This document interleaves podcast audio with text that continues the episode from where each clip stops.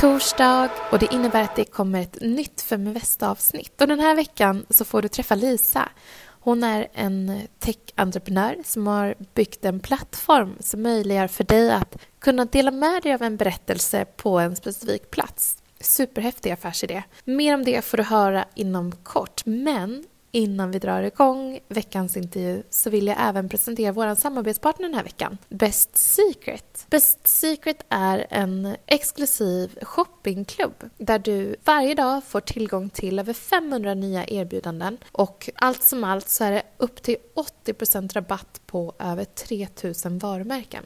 Ja, allt på hemsidan är rabatterat och det beror på att man har ett exklusivt samarbete med varumärkena på grund av att det är en klubb som du måste bli medlem i. Och under en begränsad tid så kan du som Feminvest poddlyssnare bli medlem och det gör du genom att gå in på www.bestsecret.se feminvest. Och det är ett begränsat antal platser, så gå in så fort som du har möjlighet. Du kan hitta de klassiska varumärkena, svenska varumärken varumärken men också lite mer exklusiva varumärken. Ja, men handväskor och datafodral från Bottega Veneta, det kända italienska modehuset. Också Jimmy Choo. Vem har inte drömt om att få gå runt i ett par såna efter att man såg Carrie i Sex and the City ha på sig ett par såna och spacera runt i New York. Även en, ett nytt varumärke som har vuxit och blivit trendigt vår och sommartid specifikt, det är ju Specs. Supercoola solglasögon. Som sagt, det är kostnadsfritt att bli medlem och det är alltid bra priser och ett stort utbud. Så passa på nu att bli medlem via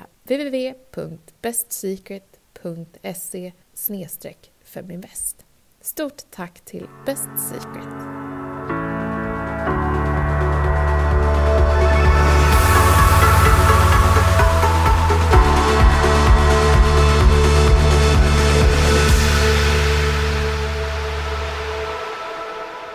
Välkommen till ett nytt avsnitt utav Feminvest-podden. Och den här veckan så har vi en kvinnlig inspirerande entreprenör med oss som kommer att dela lite hur hon tänkte när hon startade bolag men också hur hon har börjat skala upp eh, och vi får vara med på en liten del av den resan, vilket jag tycker är jättespännande. För en del av det som vi på Feminvest vill göra, det är ju att vara med och bidra med kompetens, kunskap och faktiskt liksom hands-on information om hur man kan tänka som entreprenör om man vill skala upp sin verksamhet. Jätteglad över att Lisa Evertsson Norrvik är här och du har ju grundat plattformen Storyspot. Ja, tack för att jag får vara här. Jättekul. Och anledningen till att du är här, det får vi inte glömma att säga, det är för att du vann vår pitchtävling för några veckor sedan. Eh, där åtta entreprenörer pitchade och du var en av två vinnare. Ja, eh, jättekul och Eh, det var ett väldigt roligt event. Det var väldigt kul att pitcha där och det var väldigt bra stämning i publiken. Man fick väldigt bra, ja men mycket kärlek. Ja, vad bra. Ja men det är viktigt. Storyspot bygger ju egentligen på att muntliga berättelser går förlorade, platser och orter blir, förblir anonyma. Och ni vill jobba på olika sätt för att tillgängliggöra information om de här platserna. Eh, information om personer kanske som har bott där, om byggnader som har byggts, kulturella händelser och historiska händelser och så vidare.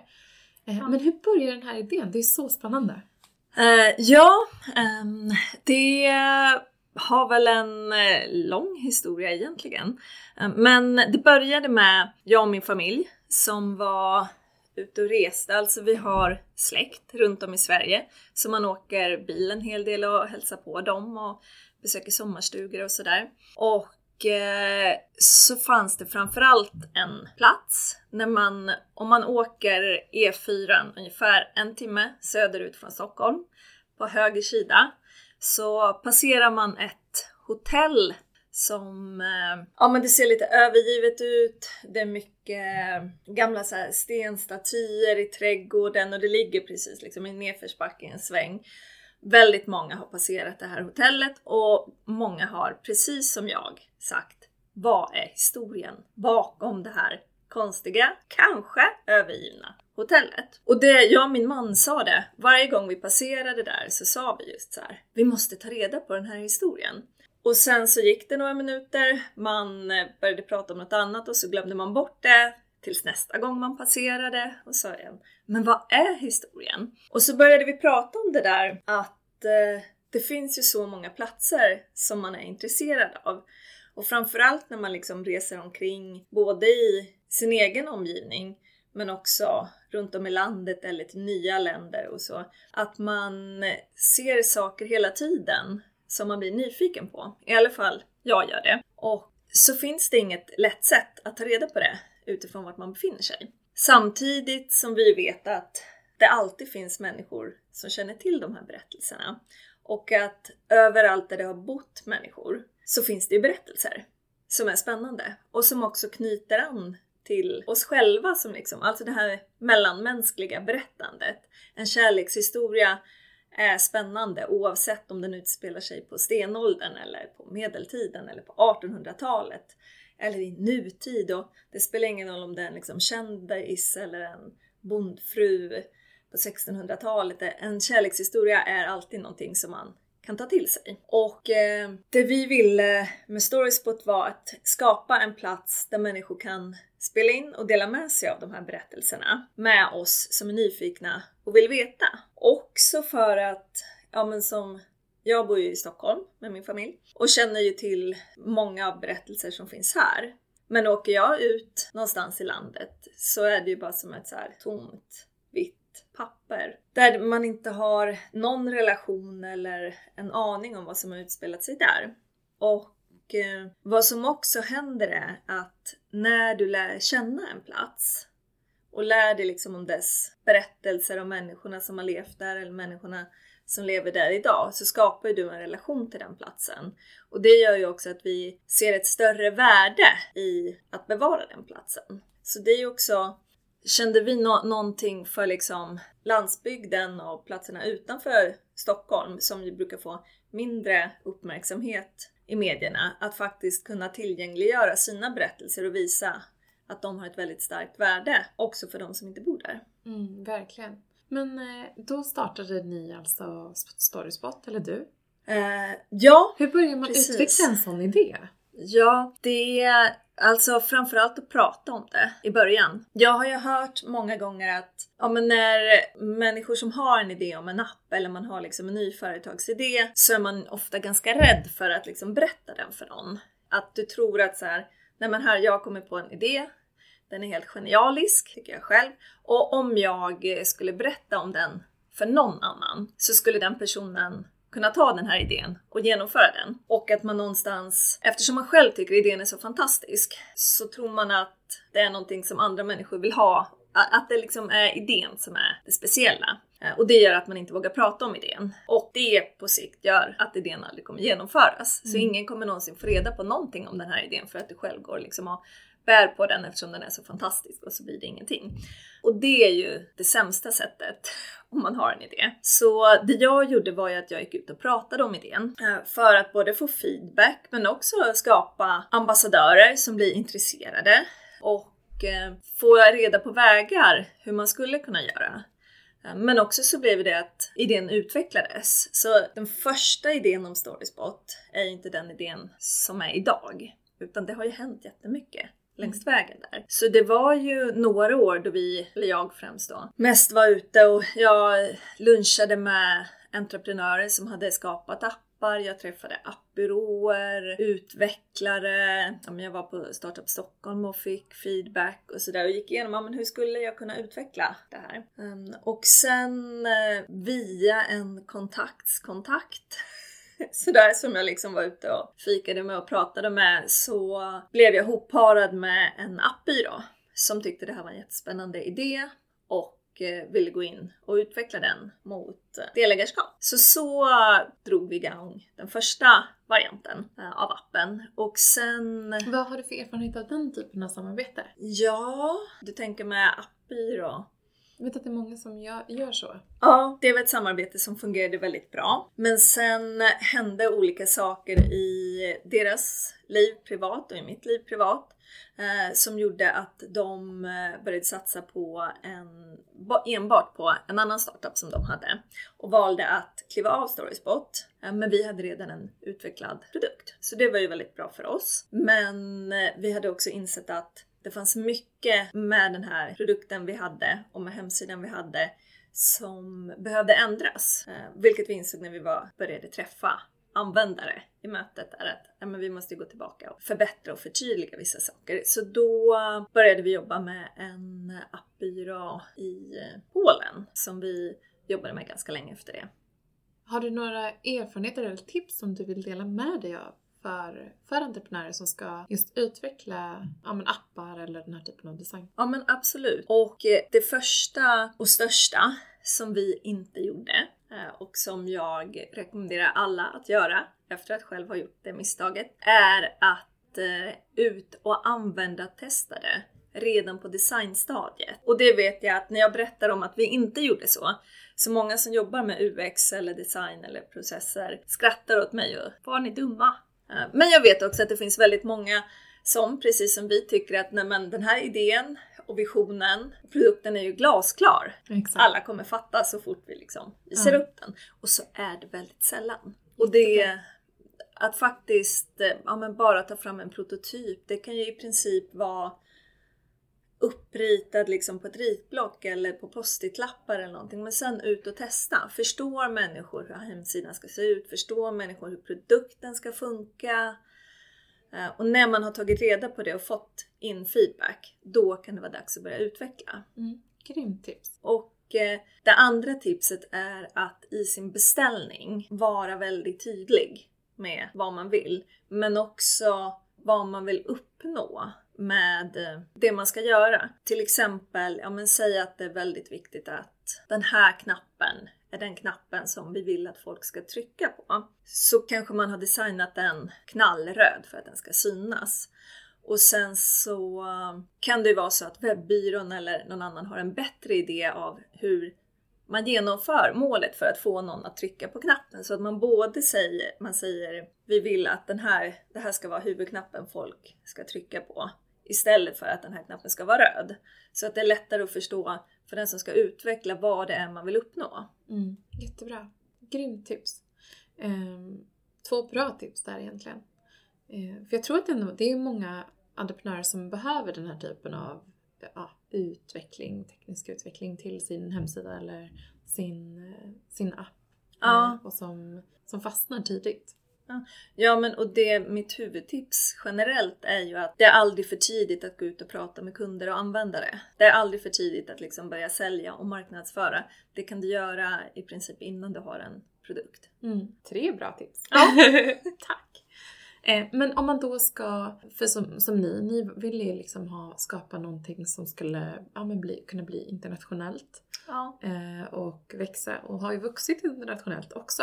Ja. Var ser ni att Storyspot används idag? Vi används, vi används ju främst i Sverige. Och det är också i Sverige som vi har fokuserat på att få kunder och användare.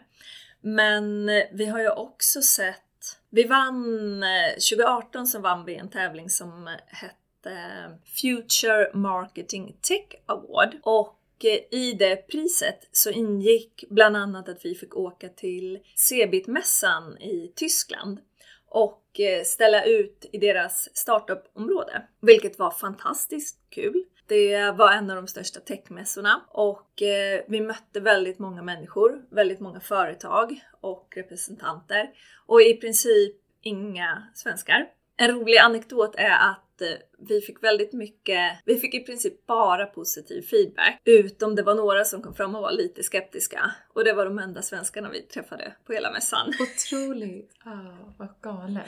Ja, och då känner man ju också att man vill ut i världen.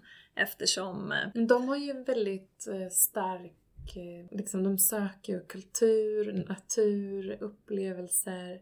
Det känns som att det är, Tyskland är en bra marknad. Ja, ja, men precis. Och det som också hände var att eh, flera tyskar upptäckte oss. Så vi började användas runt om i Tyskland. Och eh, en av de roligaste delarna eller bieffekterna som det här fick var att eh, jag blev kontaktad av en kvinna som skrev sin universitetsuppsats om hur man kan använda Storyspot i eh, socialt arbete. Och hon blev klar med den uppsatsen i höstas. Så jag har fått den skickad till mig. Um, men jag kan ju inte tyska Nej. särskilt bra.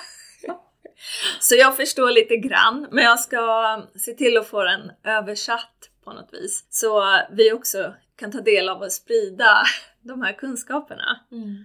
Men det är ju väldigt kul och där ser vi också att Tyskland är en marknad som vill ha oss och där i Sverige har det ju jämförelsevis varit lite trögt när det räcker att vi liksom satte foten i Tyskland och så överfölls vi av liksom uppmärksamhet så. Det mm. var ju jättekul. Mm.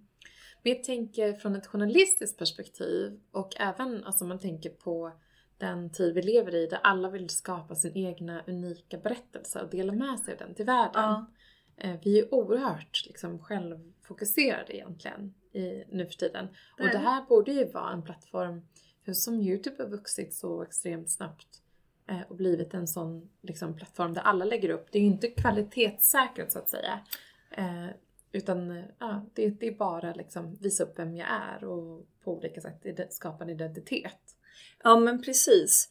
Och det, det är ju också väldigt kul att du tar upp Youtube som är en sån eh, plattform som vi tittar på och eh, jämför oss med en del. Och både hur de har sett kring ja, men marknadsföring men också hur de jobbar med sina, eh, att skapa nya Youtubers.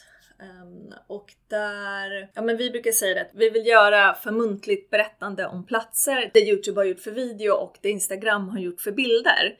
Och det är ju att ta någonting som tidigare har haft en redaktör eller liksom en polis som har avgjort vad som är bra och vad som är dåligt och vad som ska släppas fram och så istället skapar man en plattform där alla kan publicera sig och där istället eh, lyssnarna eller användarna eller tittarna avgör vad som är intressant så att man skapar en mötesplats och där det är svårt för en utomstående att kunna avgöra vad det är som blir stort. Jag skulle aldrig ha släppt fram Pewdiepie mm. om jag var redaktör på Youtube. Mm.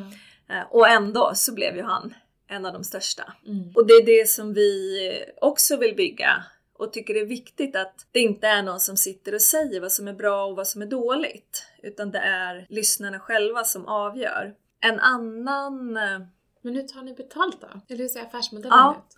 Ja men precis. För ja. plattformen är ju gratis att både ladda ner, använda appen och att eh, skapa konto och ladda upp content. Och det eh, så kommer det fortsätta vara för vi tror på att det viktiga är att bygga en stark community och liksom mycket bra innehåll, många användare. Så idag, eller den affärsmodellen vi har hittat, man kan säga att vi står på två ben. Dels eh, så har vi det vi kallar för företagskonton eller företagsabonnemang där du som företag eller organisation eller kommun kan få ut mer av din kanal genom att branda den, få ut mer statistik, du kan ha annonser eh, eller erbjudanden till dina lyssnare. Så att du ska kunna använda din kanal till mycket mer. Och, eh, och, och där också just eh, ja, men kunna, om du till exempel skulle vara en professionell storyspotter så kan du jobba tillsammans med eh, och sälja reklam eller hitta liksom intäktsmöjligheter så. Och sen har vi våran marknadsplats där vi har sett att, ja men bland, eh, när, när vi var ute och pratade med kommuner och användare, vad säger man, som inte är privatpersoner så såg vi att många ville vara med och ville använda Storyspot men att man kanske inte satt på den här tekniska kompetensen inhouse eller berättarkompetensen. Och att vi också såg i vårt kontaktnät att vi hade många bra berättare och podcastare och ljudredigerare och då ville vi hitta ett sätt att sammanföra de här. Så där har vi som en, ja men vi fungerar som en influencerbyrå eller contentbyrå fast för våra kunder och våra storyspotters så vi sammanför dem. Och bland annat har vi haft en historiker som heter Linda Segnan som är helt fantastisk på många sätt men som har skapat eh, lokala spökberättelser runt om i Sverige som eh, aktiviteter för ungdomar till kommuner. Hon har nog gjort ja, över hundra stycken säkert olika spökberättelser. Som man kan hitta i appen, så måste man ladda man- ner helt enkelt. Ja, Aha. då måste man ladda ner och söka på. De är jättespännande. Och vi har också ett sånt eh, liknande projekt med en konstnär om offentlig konst. Där hon eh, skapar som en liksom fördjupande upplevelse men samtidigt som hon tillgängliggör eh, den offentliga konsten. Så att du kan både, ja, men om du är nyfiken på offentliga konstverk, eh, hitta dem i appen och eh, lyssna för att få mer information. Men också om man är ganska ovan vid konst så blir det som en introduktion till hur du kan närma dig konsten Mm. och hur du skulle kunna uppleva ett verk. Och det blir väldigt tillgängliggörande. Verkligen. För det är ju inte bara att så här, Det är ofta man passerar förbi någonting, som du säger, precis som ni passerade förbi det där hotellet. ja, Att man då eh, kan ja, följa upp på, med, beroende på den nivå man vill lägga sig på. precis. Mm. Och få reda på mer. Så det är jättespännande. Vad kul! Ja. Men, och ljud är ju väldigt populärt och det är många som vill liksom skapa affärer på det. Det växer ju, poddlyssnandet har Ja. accelererat över åren. Jag vet att ni har ha, presenterat siffror på att 67 miljoner amerikaner lyssnade på podcast. Det var 2017 så det har säkert gått upp ännu mer. Fördubblats troligtvis. Ja, exakt. Eh, och 66 miljoner röststyrda högtalare såldes eh, december 2018. Det är helt otroligt. Ja, Dubbelt mot ja. föregående år. Ja. Jo men och det här är ju jättespännande. Och i och med att jag eh, ändå har sysslat med Storyspot engagerat på ett eller annat sätt de senaste fem åren så kan man ju se bara hur det har förändrats under den tiden. Att från att eh, i början när vi pratade om Storyspot innan vi ens hade någon produkt så fick vi ofta reaktionen, ja men dels det här att vill folk ens publicera sig? Ja, det vill de. Um, men också att många är rädda för att använda sin egen röst. Och man är rädd för att lyssna på sin egen röst och att höra på sin egen röst.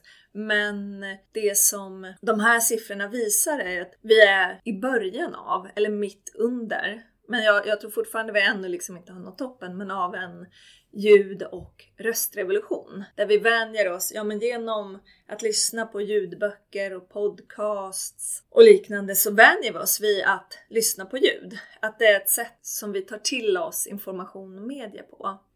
Och genom de här röstassistenterna och Google Home och Alexa och så, så lär vi oss att kommunicera och använda rösten. Det, Spännande. Ja. ja, Men hur ser konkurrensen ut då? För ljud just. Ja, det finns ju flera olika, eller där kan man ju, det är ju både så att konkurrensen är enorm och väldigt liten. Um, där just eh, ljud och berättelser kopplat till platser finns det en hel del lösningar för. Men i princip alla de lösningarna handlar om eh, att till exempel ett museum ska kommunicera eller en kommun vill kommunicera. Inte den här organiska Nej, precis. möjligheten för alla. Nej, Att utan där handlar det ofta om en envägskommunikation. Där det är någon som har bestämt att det här är intressant kring en plats. Och så vill man kommunicera det. Vi tror ju, att, vi tror ju på det här med deltagarkultur. Att din berättelse kan vara lika spännande som någon annans. Mm. Och att det är svårt att döma ut i förväg. Som ni Ja. sa, Pewdiepie eller alltså diverse såna här barnklipp liksom. Som, ja, men min dotter kollar ju mycket på YouTube och hon älskar ju så här saker som jag inte kan relatera till. Nu kanske Ja. det har med ålder såklart att göra. Men också så här, man har en bild av vad ett barn gillar också. Ja, Man har, precis. man, har, man har förutfattade meningar om väldigt mycket. Ja, Om vad som är intressant och så. Och det skiljer sig. Ja, ja men och en, en av dem, den har ju fortfarande inte kommit upp i Storyspot men jag har tagit den som exempel några gånger. Och, ehm, för några år sedan när Justin Bieber-hysterin var som störst så eh, kom han till Stockholm och sen så var det i eh, Tullinge utanför Stockholm så var det två 15-åriga tjejer som var ute och gick eh, i skogen liksom i närheten av där de bodde. Så ligger ett stort grustag och så plötsligt så får de syn på några stycken som åker motorcykel där i grustaget och så ställer de sig väl och tittar och så ser de att det är ju Justin Bieber. Mm, vad galet. Ja, ja men ba bara det att vara ute och ta en skogspromenad i sitt eget område och så ser man en största idol från liksom USA eller Kanada som åker motocross där. Det är, en jättespännande historia. Ja. Mm. Uh, och det är ju för alla Justin Bieber-fans så är ju plötsligt det grustaget blir ju en jätteintressant plats mm. för att man kopplar den historien dit. Och eh, det blir intressant för alla andra som är intresserade. Jag har varit där faktiskt. Ja! ja. Det är spännande. Ja, inte jag. Uh. ja jo, men, och det är ju sådana historier man vill ha med också. Mm. Alltså det, tänk att bara passera där. Det är ett kompispar som bor där de brukar promenera jättemycket där i den skogen. Ja. Så jag har promenerat med dem så jag ska berätta för dem nästa gång de drar med mig på en promenad. Ja, ja men det... Vet ni vad som har hänt här? Ja men precis. Alltså jag tycker det är en sån fantastisk historia. Och det är ju sådana berättelser man vill ha in. Och de kommer ju aldrig en turistbyrå lägga in eller liksom någon annan. Och tänk att höra de här två 15-åriga tonårstjejerna berätta det liksom fnissandes och... Ja, vad kul. Mm. Verkligen. Men hur många användare har ni nu då? Uh, ja, men vi har väl ungefär 10 000 nedladdningar. Och uh, där, vi har ju heller aldrig fokuserat på marknadsföring. Utan det är ju våra, våra storyspotters eller våra kunder som har sett ut till att vi har nått de här. För det intressanta med Storyspot är ju liksom inte tjänsten utan det är ju innehållet. Mm. Uh, och det är väldigt viktigt men Det är kul att vem som helst kan, men de som lyssnar, kan ladda ner den här och, och spela in en liten spännande historia om vad som händer där de är. Ja men precis. Och jag tänker också just det här att om man har kompisar som hälsar på från en annan stad eller om man har flyttat någonstans till en ny plats och så kommer föräldrarna eller familjen och hälsar på så brukar man ju gå omkring i staden och så berättar man om olika saker. Och det kan ju vara allt ifrån sånt som man själv har upplevt till skrönor som finns och så. Och det är ju perfekt att berätta i Storyspot. Det är sådana historier vi vill ha in som liksom ger liv till staden och platserna och alla områden. Mm. Och människorna. Människorna, precis. Ja, levnadsöden. Ja. Eh, men eh, hur ska man, för det första så, du kunde ju inte göra det här själv. Hur tänkte du när du skulle anställa? Vad har du liksom stött på för positivt och negativt där? Vad har du lärt dig? Ja, gud. Alltså det är ju, det är ju människorna som är viktiga i alla sammanhang. Eh, och det är ju också den absolut svåraste biten. Att hitta bra människor både som man själv funkar med men ändå som är så pass olika en själv att de tillför mycket. Och det är väl det jag har insett och tänkt på också är ju Ja men dels att man måste någonstans här forma in hur är jag som person och vilka egenskaper saknar jag som jag behöver kompletteras med. Alltså i min, jag till exempel är inte så förtjust i, ja men det är ju kul att göra budgetar. Men det är inte någonting jag vill ägna hela mitt liv åt. Och att då ta in en person som tycker det är jättekul är ju viktigt att få med. Mm. Um, och på samma sätt som att nej men jag kan, kan ju inte utveckla, ja, men då behöver vi den typen av kompetens. Det som jag har sett är en stor risk med det här, som jag också har fallit i kan man väl säga, är ju att man ser sin egen kompetens lite som det viktigaste. Um, vilket gör att man lätt, det lätt blir så att de första anställda, eller de första man jobbar med, är de som har ens egen kompetens. För att man ser, alltså där, där kan man se att man inte hinner med, man kan se vad som behöver göras. Men att man inte hinner det och man kan liksom se potentialen där. Som jag till exempel utvecklare jag jobbade med och det var ju för att det behövdes. Men sen jag har ju en kommunikationsbakgrund så för mig var det ganska viktigt att snabbt få in fler kommunikatörer. För jag kunde se att här det behöver kommuniceras. Vi behöver ta fram mycket kommunikationsmaterial. Ska bli, samtidigt som den kunskapen har ju jag. Då är det ju annan, alltså annan typ av kunskap som borde in. Och där jag också kan se att när jag tittar på andra startups att en startup som är grundad av en programmerare, där är ofta bland de första anställda också programmerare. Mm. Väldigt och, intressant. Ja, ja mm. men och det, alltså jag tyckte just när jag började, såg det hos mig själv och sen också kunde se det hos andra så blev det ju plötsligt ett mönster att nej, men det är, man ser inte det man saknar på det stora utan man ser bara de här små, små grejerna som man saknar i det lilla. Exakt. Bra, jättebra reflektion. Eh, men om du, eh, Hur tänker du runt liksom expansion och marknadsföring nu internationellt för att växa med användare? Både liksom storyspotters men också kanske företag som vill köpa liksom exponering och sådär. Ja. Eh, har du någon, eh, några tips där? Um, tips eller hur vi tänker göra? Ja, hur, ja. Eller både och ja kanske. men liksom. Ja. Jo men och det är ju, vi har ju jobbat ganska mycket på nu att få in content och eh, att få in kunder eh, snarare än att få in användare. Och eh, det vi skulle vilja nu är ju att få in fler, få igång fler privatpersoner som spelar in sitt content och använder det här som en plattform. Också för att det ju är de som sen blir storyspotters som vi förmedlar kontakten till företag Mm. med. Mm. Så de som blir bra, de som är bra storyspotters um, har ju stor möjlighet att tjäna pengar på att spela in sina storyspots. Uh, och där vill vi ju verkligen ha in fler.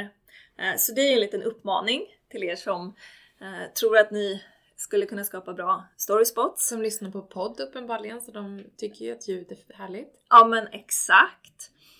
Um, och där kommer vi också försöka dra igång under det här året um, någon typ av utbildning eller liksom akademi kring hur man skapar bra storyspots.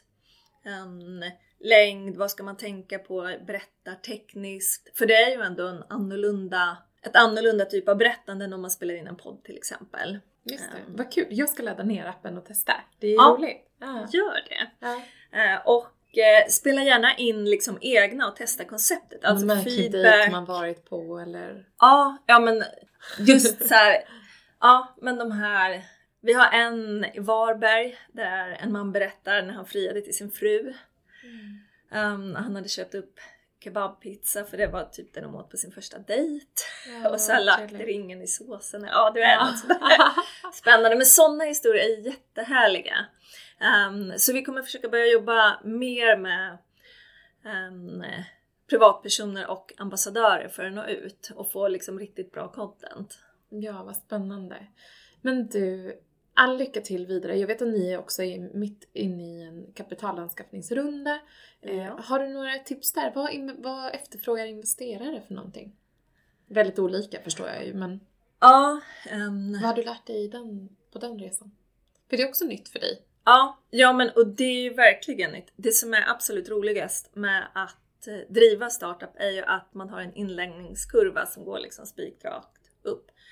Ehm, där är det ju verkligen så här hockeystick. verkligen. Hockeysticken som alla investerare letar efter. Ja, ja, den är inlärningskurvan. Garanterat. Uh, nej men, och jag har ju också tyckt, eftersom det har varit den världen som jag har varit absolut längst ifrån i hela mitt liv, eh, så har ju det känts lite läskigt att ta sig an och ta sig in i och hur börjar man och sådär. Och eh, det jag har lärt mig och som jag verkligen vill tipsa andra om att ha med sig i bakhuvudet är ju just att så här, men det här är helt vanliga människor. För mig var det verkligen, ja men först i början när man skulle kontakta investerare så bara, hur gör jag? Hur funkar de? Alltså att det var nästan som att det här skulle vara människor som är helt annorlunda än jag Mm. själv. Eller man bygger upp en liten bild så, och så är det inte. Nej. Um, så att ganska... För det gör ju att man inte blir så frimodig som man faktiskt behöver vara. Precis. Om man tänker så. Ja. Mm. Och därför är ju mitt Kör, råd... säger jag. Ja. ja, men och att redan innan, innan du har ett pitch deck eller innan du har någonting, så gå ut och boka möten eller be att få fika med några som jobbar som investerare. Inte för att de ska investera i din idé utan just för att börja få feedback och lära känna människor och fråga om de kan ge feedback på din idé eller för, för att börja få den här känslan och lite kontakterna. Mm. Det gjorde inte vi utan vi bara ja men man skapar pitchdeck och så skickar man iväg pitchdeck och så får man nej. Ehm, så det, det Bygg är relationer. bygg relationer ja, Tidigt. tidigt, långt innan man vill ta in investering. Eh, och sen, eh, ja men var beredd på nej. Alltså Mm. verkligen så här, på med stora rustningen, ge dig ut i den här liksom kriget och bara, du kommer få nej. Mm. Räk, alltså förbered dig för ett ja, men räkna med nej. Och att man liksom inte blir ledsen av det. Alltså jag tror nästan man får, man får ju se det som typ telefonförsäljning eller någonting. Här, Ett det bara nej är ett steg närmare ett ja. Ja, eh, precis. Eller hur? precis. Ja, Mm. så är det hela tiden. Och också att ett nej inte alltid behöver betyda ett nej, utan det kan vara ett nej just nu. Mm. Många gånger så får vi att nej men vi har inte kommit tillräckligt långt eller kan ni göra det här och återkomma? Så man får ju feedback längs vägen också. Många gånger handlar det ju om att faktiskt börja. Du, tack för att du var med i den här veckans podd och lycka till vidare med att erövra världen. Tack så mycket för att jag fick vara med! Du, stort tack!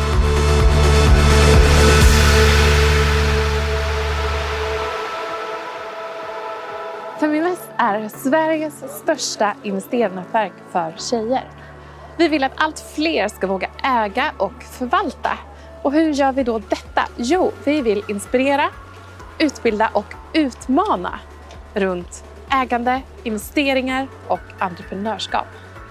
Följ Feminvest på våra kanaler Facebook, Instagram, Youtube. Varje vecka så kommer vi även ut med en podd och du kan ju självklart även följa nyheterna som publiceras på feminvest.nu. Det är bara att söka på Feminvest på samtliga kanaler så hittar du till oss.